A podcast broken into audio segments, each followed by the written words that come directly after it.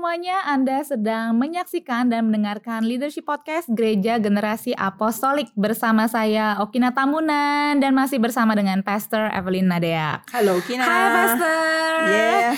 Wow, kita senang banget sudah banyak comments dan feedbacks ya Mhm. dari episode-episode sebelumnya mengenai apa yang kita diskusikan di season kali ini. Right. And as usual, kita akan selalu buka dengan sharing buku yang sedang kita baca. Kita mulai dari Pastor If deh. Buku apa lagi yang Pastor mau reveal, mau berbagi dengan kita semua yang Pastor sedang baca atau sudah selesai baca? apa tuh Pastor? Nah, ini nih, yang ini. Udah agak Oke. coklat ya bukunya. Wah, ini dari tahun berapa? Pasti ada Ini- tanggalnya, coba. Yes. Nah, kan Every time I bought a book, Maret 2001. Ya, Iya, aku Maret juga. 2007. Ya, aku juga kalau ada buku aku pasti yeah, tulis. that would be the first thing I tahunnya. do. Kalau kalau misalnya beli buku tuh selalu yang pertama kali saya buat adalah I put my markings there. Ya. Jadi nama, Oh betul, supaya Terus bukunya nggak nggak hilang ya kan. Cuma umum gitu kan. Lalu kapan buku ini tiba di tangan saya dan di mana belinya? 2007 berarti kan 14 tahun yang lalu. Wow. 2007. Iya, 14 tahun yang lalu. Iya. Eh 2007 Kok jadi ingat terus? Iya bener 14 tahun yang lalu Besar matematika saya masih bagus Cukup lama Oke. makanya warnanya Ya, sudah agak orange Yeah. Oke Uh, and I got in Singapore. ini saya pernah share nih di ibadah live kita ya. Mhm. Um, buku ini sendiri ditulis oleh John, John Ortberg. Ortberg. Hmm. Ya, judulnya adalah Everybody's Normal Till You Get to Know Them. Menarik. Ya, menarik sekali. Waktu itu saya baru aja nih bergabung di gereja lokal dalam komunitas Tuhan dan uh, the idea of a church itu kelihatannya sangat appealing gitu ya. Wow, the community of God gitu kan. Yes, This is what I need gitu kan. So, saya bergabung di gereja lokal tahun 2004 Mhm. after a divine meeting dengan uh, Apostle Indri. Saya sebut divine because God orchestrated gitu. Kalau saya duduk sekarang dan uh, matter of fact tadi pagi saya baru duduk dan uh, membaca jurnal saya 17 tahun yang lalu gitu ya. Wow, tangan Tuhan tuh betul-betul mengatur pertemuan tersebut Iya. gitu kan. Nah, tapi itu 2004. Jadi kalau ini 2007 berarti tiga tahun setelah pertemuan itu Iya Pastor punya buku ini Oke Iya. Dan ada alasannya kenapa saya punya buku ini. Uh-uh. Because then saya mulai mengalami lika-liku dalam hidup berkomunitas yang ternyata tidak seindah apa yang saya bayangkan dari luar. Oke, jadi buku ini datang dalam hidup Pastor If setelah mengalami kehidupan berkomunitas atau sebelum?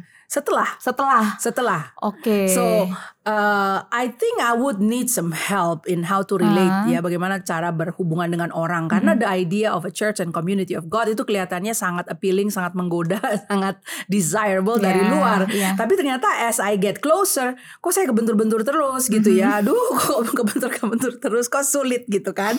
Nah, lalu saya lagi di Singapura waktu itu, uh, maybe I was attending some conference. Nah, kemudian saya ke toko buku dan saya beli buku ini. Hmm. Everybody's normal until you get to know them. Hmm. Kelihatannya semua orang normal sampai uh, kamu Mulai kenal. mengenal. Uh, uh, dan Wow. uh, di buku ini pula lah John Ortberg menolong saya mengen uh, di chapter 1 nih, part 1. Mm-mm. There is no such thing, dear.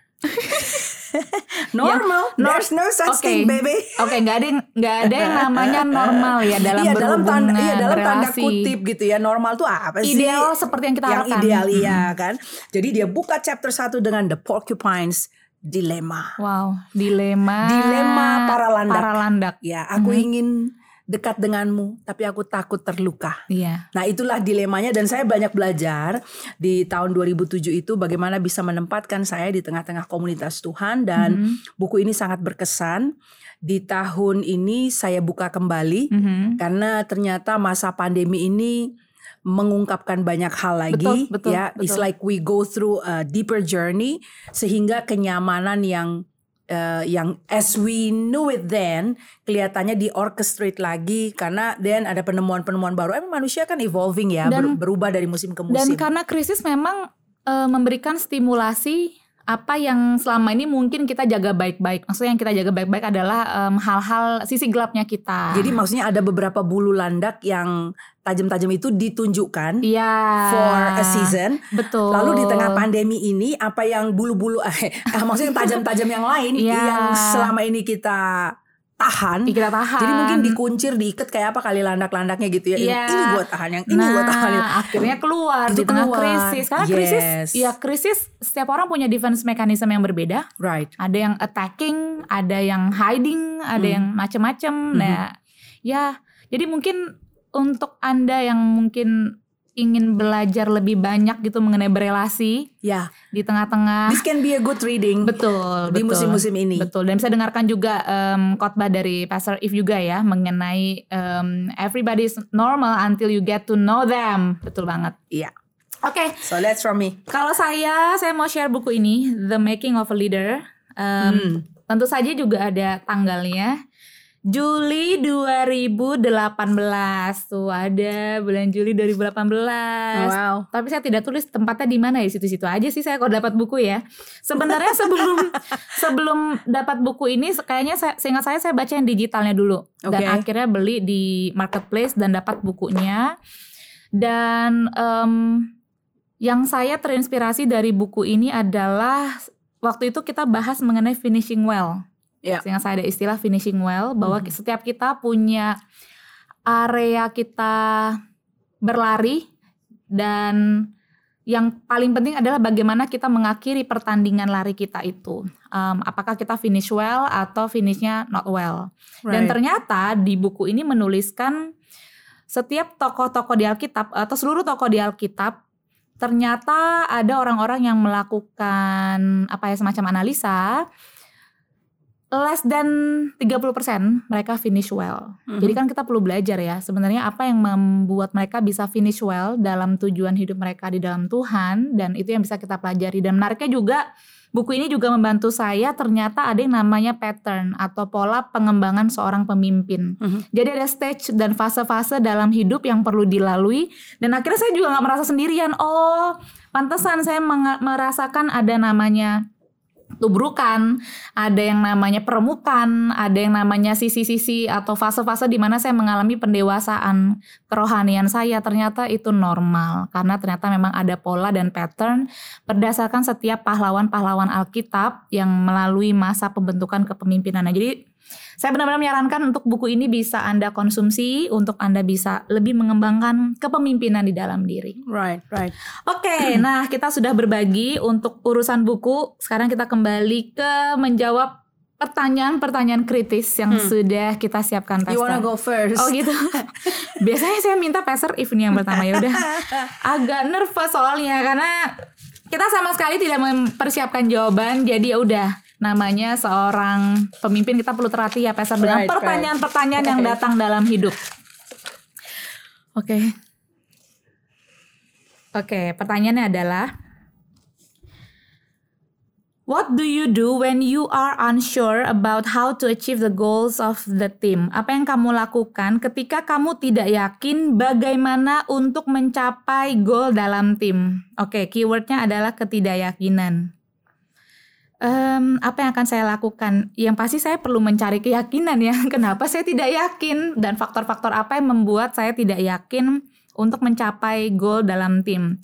Em, mungkin faktor apakah goalnya tidak realistis juga bisa jadi atau memang secara kesiapan tim juga ternyata kurang tepat atau Mhm. kurang cocok untuk mencapai goal yang dimaksud lalu em, dan faktor-faktor eksternal lainnya jadi yang Mhm. saya akan lakukan adalah ketika saya tidak yakin saya perlu melakukan evaluasi lagi supaya dalam mencapai goal itu tidak merusak hubungan dalam tim juga dan juga tidak membuat jadinya dimotivasi karena tidak tercapai goalnya karena goalnya tidak terlalu realistis dan selebihnya ya mencoba untuk membuat goal-goal yang lebih kecil atau lebih realistis itu mungkin yang saya lakukan oh dan selanjutnya adalah saya mencari advice juga Hmm. kepada mentor-mentor dan pemimpin yang saya bisa dengar nasihat-nasihat dari mereka apa yang salah dari perencanaan saya atau apakah ada yang kurang tepat ya mungkin itu yang saya lakukan Hmm. bagaimana dengan Pastor If? Jadi tadi kalau nggak yakin gitu ya, Betul. ya? Kalau tidak yakin eh, untuk mencapai goal dalam tim, apa yang Pastor If akan lakukan? Uh, I would break that apart, uh, the question, you know. Uh, kalau nggak yakin bahwa uh, goalnya bisa tercapai. Mhm. Ya, dari number one is goal, number two yakin atau tidak yakin, number three is the team.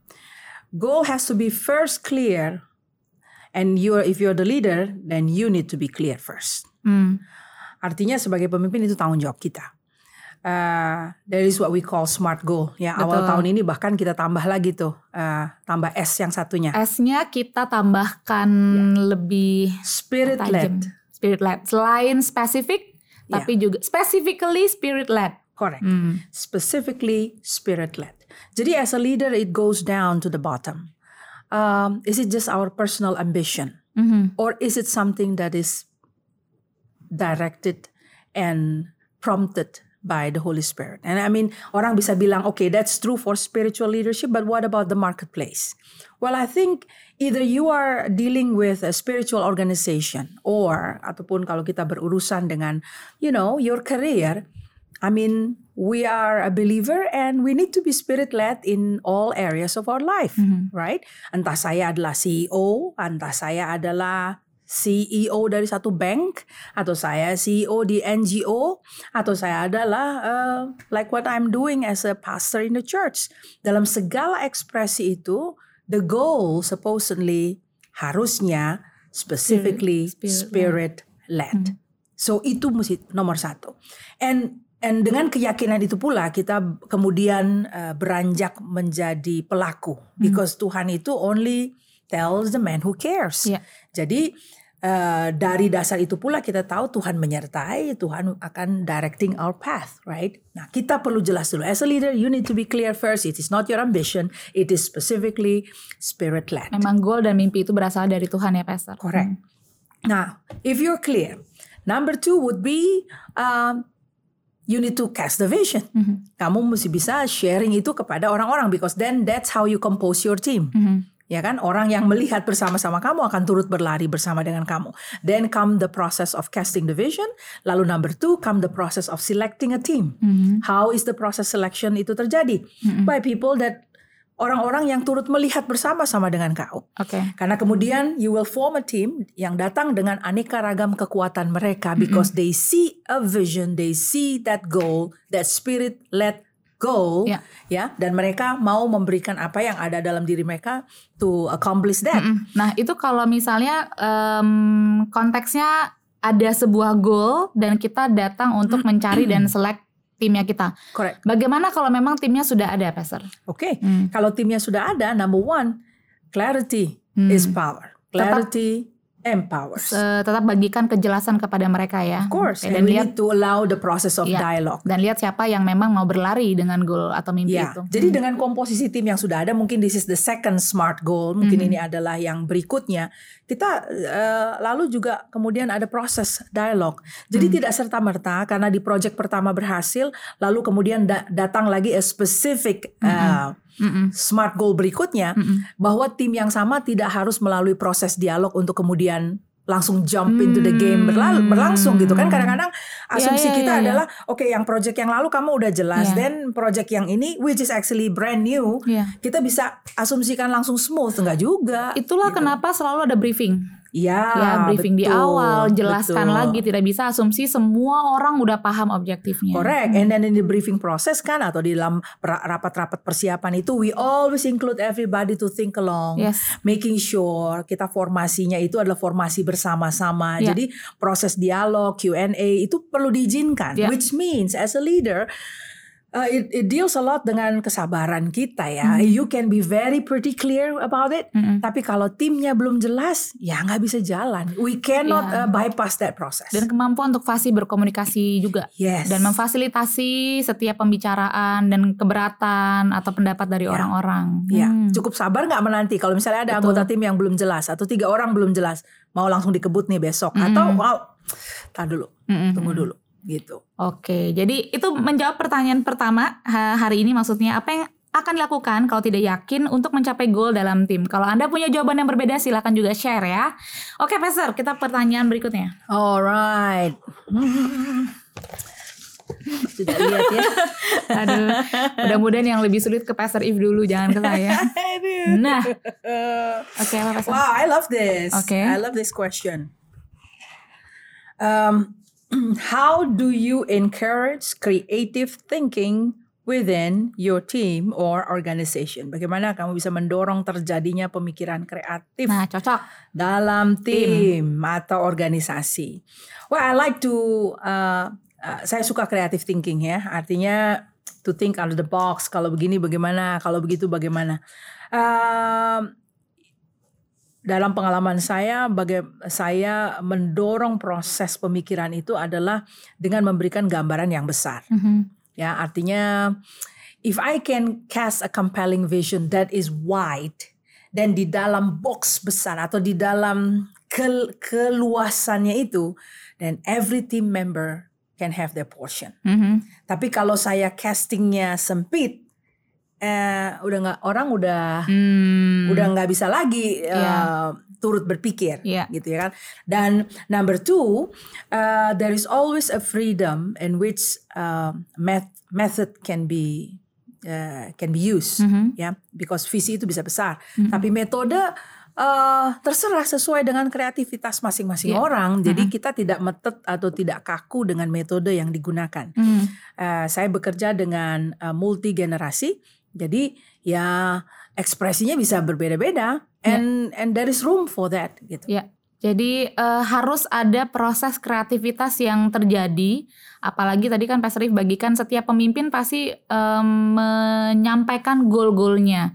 Jadi kalau caranya cuma gitu-gitu aja juga tidak ada pertumbuhan juga dan pengembangan diri yang terjadi dalam tim kalau tidak dikasihkan tadi yang Serif sampaikan visi atau gambaran yang lebih luas. Kalau terlalu sempit ya nggak ada ruang untuk berekspresi dan bermain-main dengan cara-cara yang baru. Yeah, so that is number one. Mm-mm. Um, saya casting a, a bigger vision, a wide, and semua orang ada rumahnya di situ. Semua orang punya bagiannya di situ Iya ya. betul betul betul. Lalu yang kedua adalah saya melakukan stimulasi. Mhm.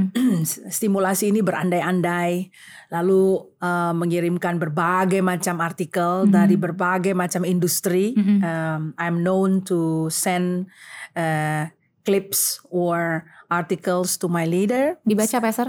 Saya biasa harap dibaca. Dan dari orang yang membacanya, saya menemukan Iya. buahnya.